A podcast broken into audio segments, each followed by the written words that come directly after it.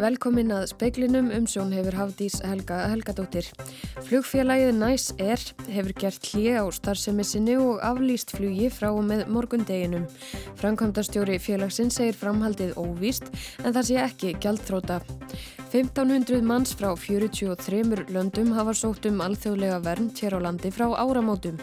Fleiri komi frá Venezuela en Ukrænu. Verjendur í hoppukastala málinu svo kallaða fóru í dag fram á að nánara matirði gert á sönnunargögnum málsins áður en aðalmeðferð þess hefst. Geðheilsa ungmenna hefur versnað hratt undanvarinn tíu ár. Ný íslensk rannsókn sínir marktækt samband á milli netsamskipta og þunglindis og kvíðaengina hjá 15 ára stúlkum.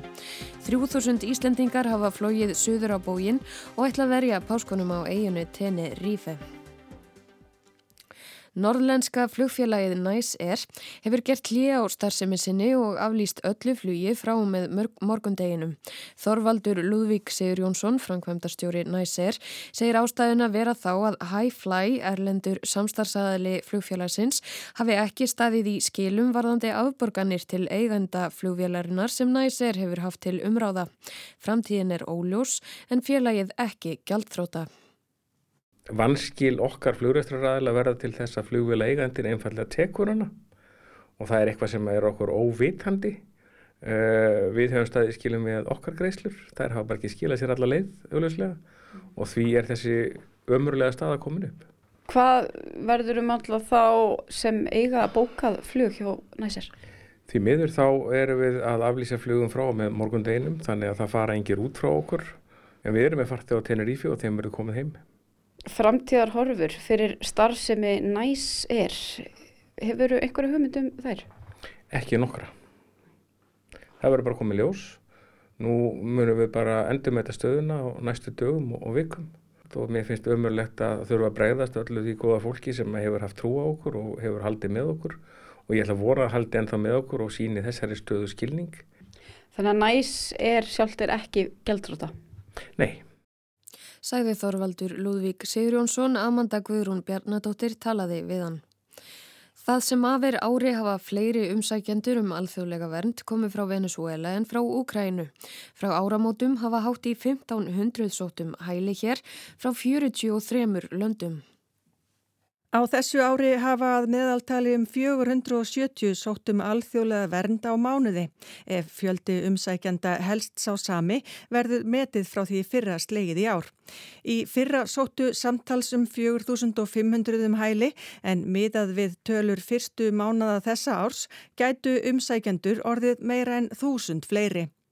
Samkvæmt tölum ríkislauruglustjóra hafa um 650 hælisleitendur komið frá Venezuela það sem aðver ári en 525 frá Úkrænu.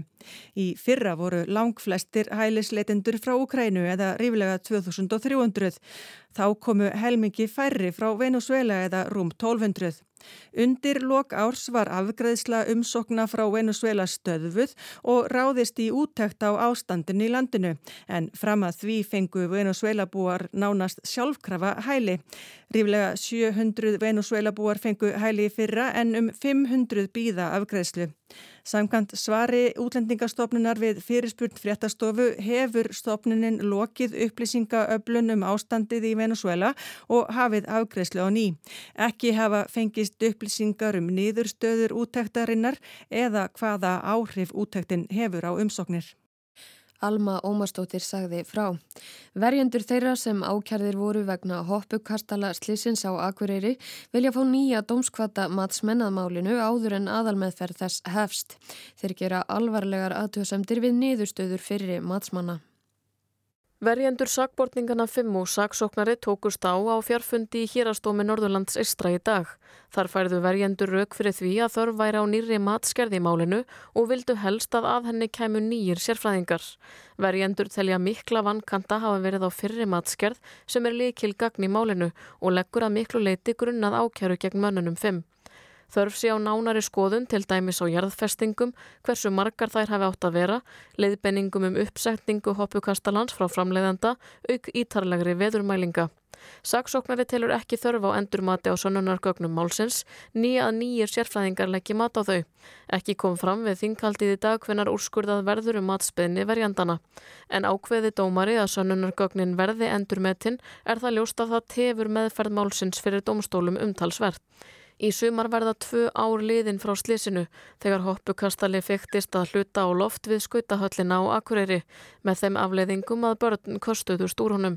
Fjögur börn hlutu þá alvarlega áverka og eitt var um tíma í lífsættu. Ólöf Rún Erlendstóttir sagði frá. Í dag byrtist frétti í miðlum Rúf um konu sem starfaði sem afleysingakennari í Kópavogi. Fréttastofa Rúf byður konuna afsökunar á staðhæfingum um að hún hafi vilt á sér heimildir sem kennari. En fremur ber að árétta að konan var til rannsóknar grunuð um að vilja á sér heimildir þegar hún starfaði sem bakvörður í Bólungarvík árið 2020. Það mál var að endingu fælt niður og konan fekk greitar miskabætur fyrir handtöku. Fjöldin allur af Íslendingum ætlar sér að leggja landundir fótum páskahelgina, þúsundir stefna suður á bógin, flest til eigunar Tenerífe.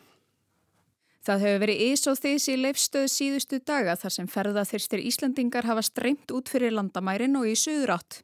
Það sýnir sig með ymsum hætti, til dæmis er langtíma staði við flugstöðuna kapp fullt af bílum. Flest stefna á sama stað. Tenerife, en svo venjulega fara allir Íslandingar til Tenerife.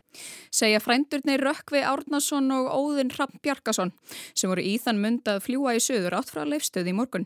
Komið nóga hérna kuldanum hérna. Og vitið hvað þið ætlaði að gera úti? Já, um, við erum eitthvað að fara snorkla og fleira. Já, ég er ekki alveg viss, en ég veit að það verður gaman. Þeir eru meðal þúsunda sem stefna á eigina Solríku um páskana. 16 flugvélar fóru frá Keflavík til Tenerife þessa síðustu viku fyrir páska.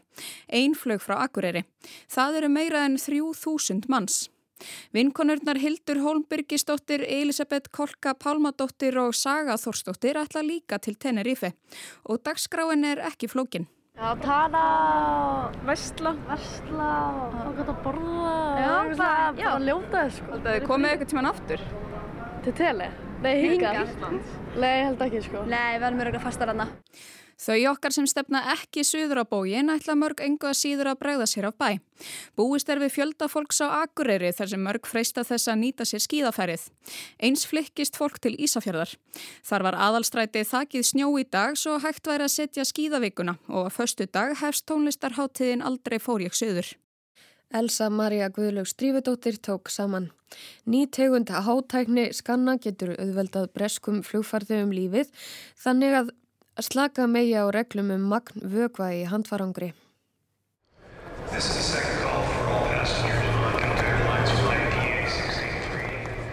Tilraunir með nýju skarrana hófust á hýþróflugvelli fyrir næstum 6 árum. Þar á bæ segja menn ljóstað nokkur tíma tæki að innleiða nýju teknina enda gríðarlegu umferð um flugvellin. Tilraunir eru einnig hafnar á Gatvík flugvelli en farþegar eru kvartir til að farað gildandi reglum um handfarangur. Skannarnir taka hágæða þrývítarmynd af innihaldi ferðartaska og því verður flugfarþegum heimilað að hafa 2 lítra vökva í handfarangri í stað 100 millilítra líkt og krafist hefur verið um 20 áratuga steið. Ekki þarf heldur að geima vökvan í sérstökum geggagsæjum lítrapokum og eins má bera ráftæki með sér í handfarangri. Bresk stjórnvöld segjast geta staðið við lovorsitt um að nýju skannarnir verði komnur upp á öllum flugöllum landsins fyrir mitt næsta ár. Skannarnir hafa þegar verið teknir í nótkun á tveimur breskum flugöllum og Harry Kind, sérfræðingur í neytendamálum hjá Witch, telur að endalokk eldri regluna sé í sjónmáli. Þó verði fólk að hafa í hugað reglunum hefur ekki enn verið breytt á öllum flugöllum. Kind segir nýja kerfið muni stitta mjög byggð farþega við örgisleitt og draga úr hættinu á að fólk hreinlega missi að flugi þeirra vegna.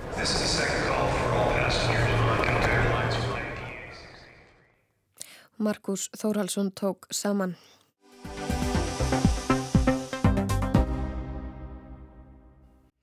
Geðheilsa ungmenna hefur versnað verulega undanfarinn tíu ár. Ný rannsókn vísindamanna við mentavísindasvið Háskóla Íslands sínir að marktækt samband er á milli netsamskipta og þunglindis og kvíðaengina hjá 15 ára stúlkum. Í rannsókninni er rýnt í breytingar á geðheilsu ungs fólks í upphafi 2001. aldar og sagtir frá niðurstöðunum í grein í tímareitinu Scandinavian Journal of Public Health. Óttar Guðbjörn Birgisson að Jung Gungt og doktorsnemi deild heilsueflingar, íþrótta og tómstunda og mentavísinda sviði er fyrsti höfundur greinarinnar. Þetta eru mörguleiti áhugaverða niðurstöður en samt sem áður rýmaðar við erlendar ansóknir.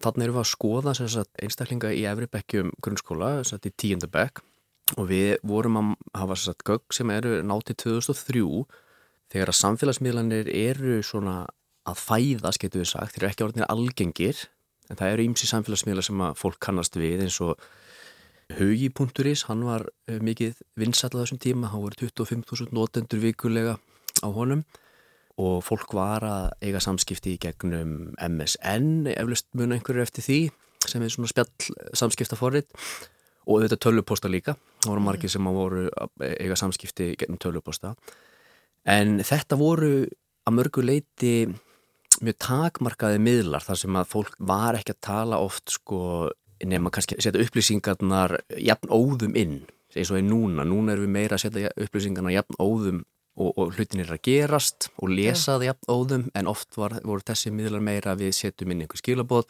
svo kannski daginn eftir kíkju á hvort þessi komi svar. Þannig að við höfum kannski aðeins meiri stjórn á þessu þá eða hvað krafan er orðin svolítið rík núna að ná til okkar hvenar og hvar sem er?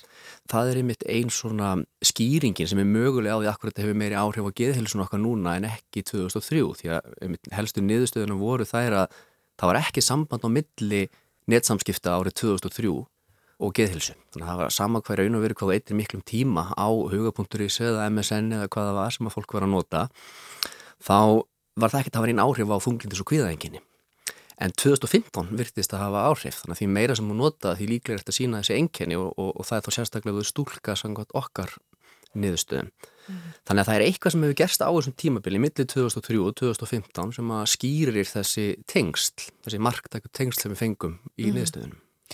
Og ég menna, eru þið til dæmis með Er, er, fylgist þetta að til dæmis við, við þetta þegar að það er allt í hennu komin krafa um að þú svarir um leið og þú sjá, sérð skilabóðin er, er eitthvað, þú veist að því ég er ekki alveg með tímar að manna á hreinu í því Já.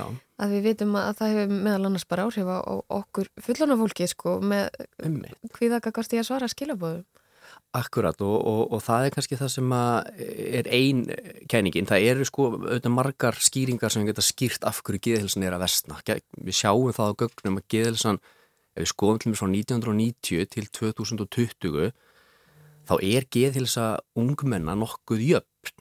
En í kringum 2013-14 þá bara kemur sveia upp, svona eins og bara hokkikilva. Þetta er bara beint og svo kemur þetta beint upp og mikil aukning á enginum Og þetta er um svipa leiti það sem að yfir 80% ungmenna á síma sem að er með í vasanum og, og það getur að hluta til skýrt af hverju þetta hefur svona mikil áhrif. Krakkar eru kannski að setja inn aðtöku sem á einhverja samfélagsmiðla, fara svo í skólan en hugurinn er kannski allar tíma alltaf sem einhver búin að svara, er einhver búin að læka myndina mína, er eitthvað að gerast og þá mm -hmm. hefur það einmitt kvíðaveikandi áhrif. Og, þegar við erum að tala um að þetta fari upp þá erum við ekki að tala um að hún batni. Nei, nei, nei, akkurat, nei, þá erum við að tala um að enginnin aukast, akkurat, einmitt, akkurat. Og hvaða enginni eru það svona helst? Það eru þessi algengu þunglindis enginni fyrst og fremst sem er þá þessi upplifin á debur að upplifa, upplifa sagt, þá, þá að vera nýðudregin eða dabur, það sem að gæðslægið okkar er lærra en venjulega. Og þetta eru bara sjálfsmatskvarðar sem að krakkar svara þar eru líka spurningarna svona sjálfsvíshugsanir og fleira mm -hmm. Og þetta sínir skýrta ja, þessi enginni þunglindi og kannski hvíði eða hvað hefur ja, þau hafa aukist verulega hjá þessum aldursflokki eða hvað? Já, alveg mjög skýrum hætti sérstaklega við skoðum bandarskaransóknir og, og breskaransóknir þar er mjög skýr aukning og ástrálskara vísu líka og Á Íslandi eru við að sjá misvísandi upplýsingar en heilt yfir eru fleiri upplýsingar sem sína fram á það að það að vestna og þá aðalega hjá stúlkum og okkar rannsókn bætir einmitt í það. Einmitt. Og eru þið með einhverjar lausnir? Er, er eitthvað hægt að gera í þessu? Já, þetta er náttúrulega kannski svona mikilvægast spurningin að mörgu leiti þegar maður er að skoða svona atriði og því miður eru ekki til einhverja mjög haldbara lausnir í sjálfu sér en fyrst og fremst þarf að rannsaka þetta betur. Hvað er það sem skýrir þetta?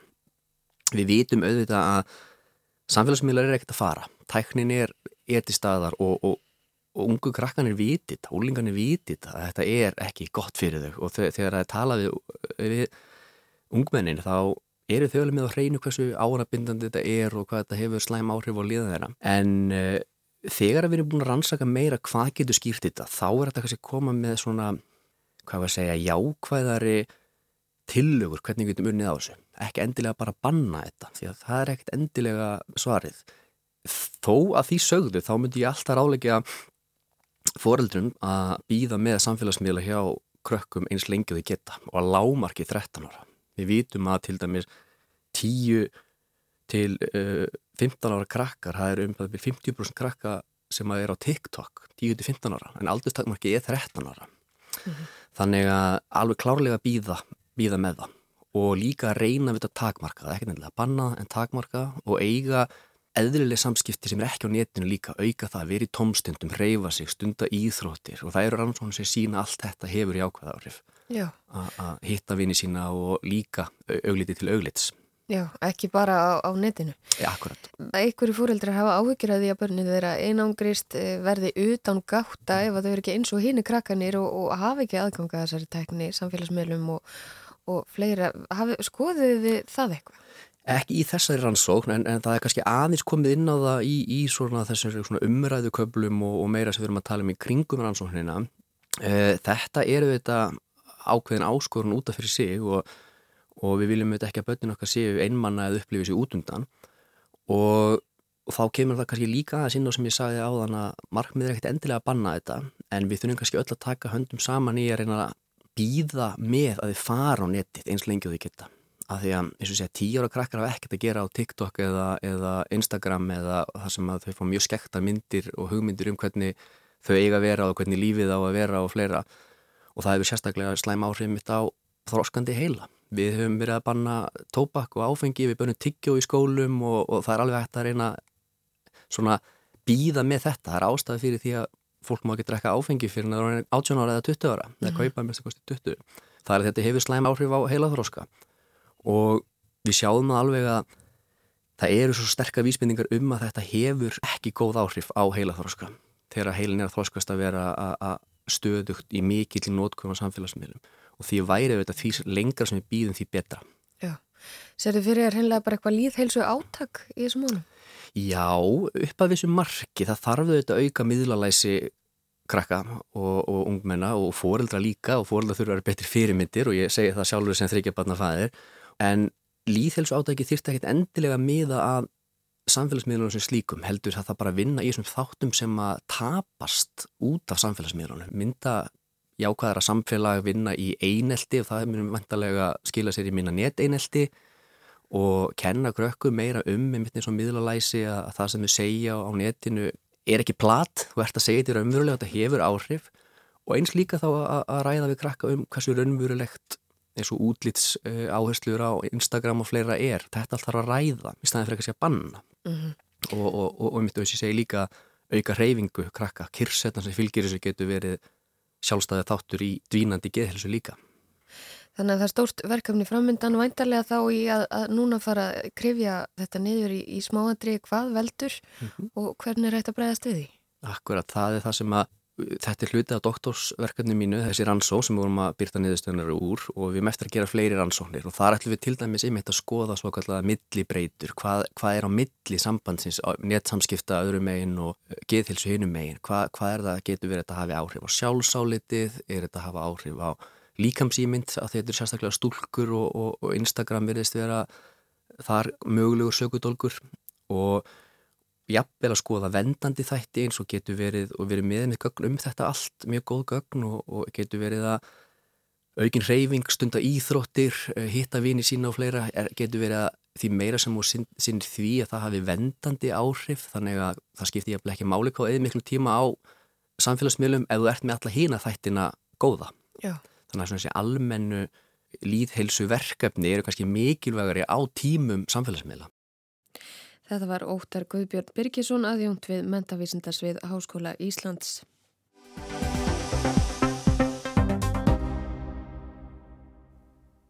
Mörgum normanninum blöskrar þegar þeir heyra að verulega eigi að draga úr neyslu á kjöti.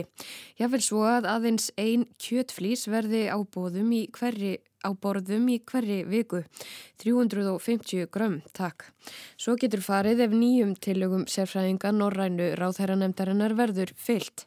En anstaðan er hörð og líka hjá norska landbúnaðar ráðherranum. Gísli Kristjánsson talar frá Noregi. 350 grömm á viku og helst ekkert raukt kjött í því.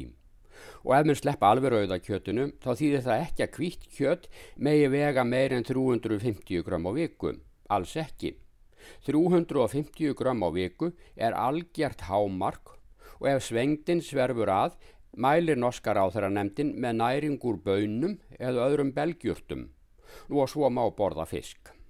Af er það sem áður var þegar hver fullvaksin maður mátti borða 500 gram á viku og það jafnvel allt raukt kjött og fá einar sneiðar á kjött áleggja og brauðsneiðina líka. Nú er í undirbúningi ný ráð um hotlanæringu og þau ná ekki bara til hotlustu í hverjum einstökum líkama neytenda, neð það er hotlusta fyrir jarðarkringlunni heild sem skiptir máli. Landbúna framlegsla verður að vera sjálfbær þegar tekið er til til umhverfis áhrifa. Áður voru hotlustu ráðin miðu við neistlu hvers og eins en nú verður að gæta að heildar sjónamiðum um framtíð lífs á jörðinni. Eða svo að segja sérfræðingar norrænur ráþæranemdarinnar sem lagt hafa fram tillögur að ráðum um mataræði hvers og eins. Hér í Noregi er sem öskrað séu hverju fjósi þegar þessar tillögur heyrast nefndar. Þær komu fram ofinberlega á förstu daginn fyrir pálmassunudag, einmitt þegar margur landsmaður var farin að byrja sig upp að kjötmeti fyrir páskadagana. Páskalampið er til dæmis raukt, en það er ekki lengur lampguðs á páskum nema þá er fólk etur aðeins eina þunna kjötflís eftir páskagvöðþjónustuna. Annars eru það bara belgjurtir í matin ef farið er að holla ráðum norrænur á þeirra nefndarinnar. Þessar tilur hafa alls ekki átt greiða leiðin í norska landbúnaðaráðniti hér í höfuborginu Ósló. Sandra Borg, landbúnaðaráþera, var fljóta að lýsa því yfir að matur það er kjöt. Margir hafa líst sig sammálar á þeirranum og sagt að þegar fólk sesta borðum í sviga veislum er hjarnan kjöt á bóðstólum. Meira kjöt en einn þunn sneið skreitt með belgjurtum. Áraðanlegar mælingar sína að norðmenn borða meðaltali 800 gram á viku af kjöti. Þeir verða því að skerða kjött skamt sinn verulega ef markmiðin um umhverfisvæna landbúnað og hotlanæringu eiga nást samtímis. Grunuleikur á að marku norðmaðurinn neyti meirinn 100 kíló af rauðu kjött á ári en þeirra býða nú belgjurtir í alla mata. Formaður Norska búnaðafélagsins segir að vinna sérfræðingana hafa frá fyrstu stund enkensta þröngsíni og skilningsleysi á sérstöðu norsk landbúnaðar.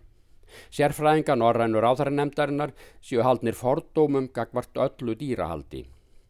Nokkur hugun er að þetta er aðeins tillögur sérfræðinga til aðtugunar í hverju hinn að norrænu ríkja. Landlegnir og líðhelsustofnun hafa fengið þessar hugmyndir í hendur og verða nú að meta hvort þær eru framkvæmanlegar. Hér er því ekki ný lög á leiðinni heldur aðeins ráðleggingar. Fyrir hotlustur áð hafa þegar grant er skoðað ekki endilega skila sér þegar hinn haks síni húsfaðir velur mat fyrir sitt fólk. Landbúnaðar áður hann segir að þessa tillögur þýði að verulega veri dreyið úr landbúnaðarframleiðslu í Noregi. Norskur landbúnaður hætti því að vera sjálfbær og verði þessi stað háður innflutningi en norskar sveitir í auðn vegna þess að ítla gengur að rækta belgjurtir í köldu lofslægi. Bústofn og beit hendar betur en belgjurtirnar. Ungverfi sinna segja á móti að hér hafi bændur hlaupið á sig. Þeir hafi fyrir fjórum árum gert með sér og ríkinu samkómulag um að landbúnaðaframlegslan nálgist sem mest og opimbera ráðleggingar um næringu. Því hæ bændur sjálfur fallist á að vera ekki aðala stórgripi til slátrunar langt umfram það sem holdt er að borða. Bændur segjast á móti hafa miða við hotlustu fyrir hvert einstakling en ekki miðað við hotlustu fyrir lofslag almennt á jörðinni. Þarna stendur hýfurinn í kúnni og óvist að henn nýju hollráð endi á borðum landsmanna.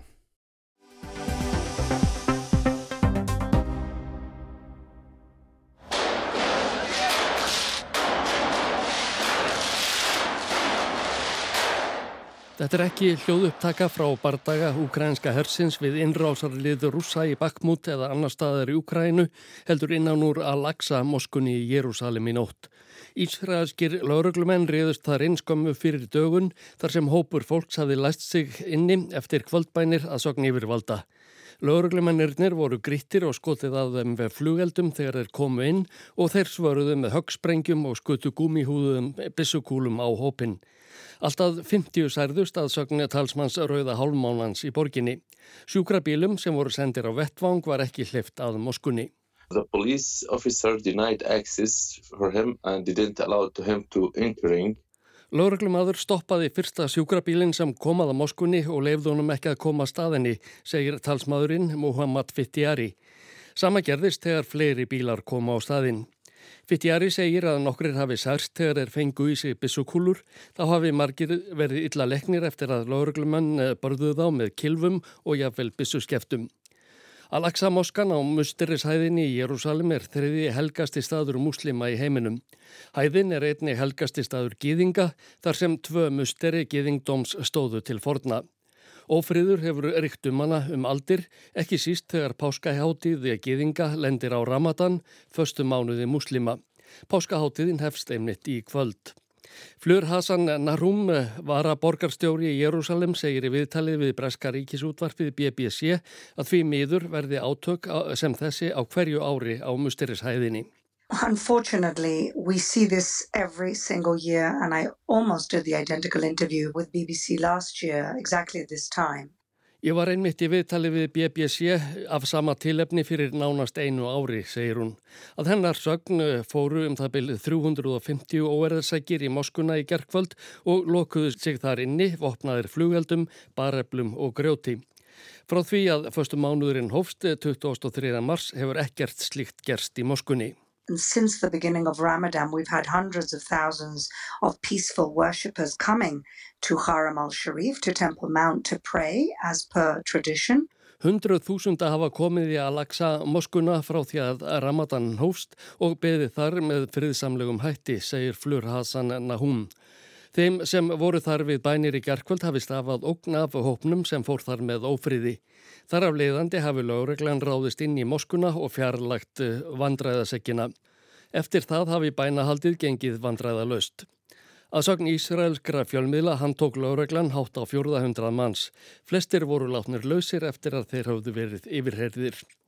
Heimastjórn palestinumanna fordæmdi í dag áhlaup Ísraelsku lögreglunar. Talsmaður Mahmouds Abbas forsetta sagði að lögreglan skildi varast að fara offari. Það geti haft alvarlegar afleðingar. Letói Hamas samtakana á Gaza sagði atvikið fordæmalausan glæp og varaði einnig við afleiðingunum. Nýju eldflögum var skotið á Ísrael frá Gaza í nótt. Nokkrar voru skotnar niður, aðrar lendu á óbyggðum svæðum og allu engu tjóni. Ísraelski flugherrin svaraði eldflögaskotunum með loftarósum á nokkra staði á Gaza. Í tilkynningu frá hernum segir að vopna verksmiðju Hamas liða hafi verið grandað og sömuleiðis vopna búri. Það var Ásker Tómusson sem tók saman.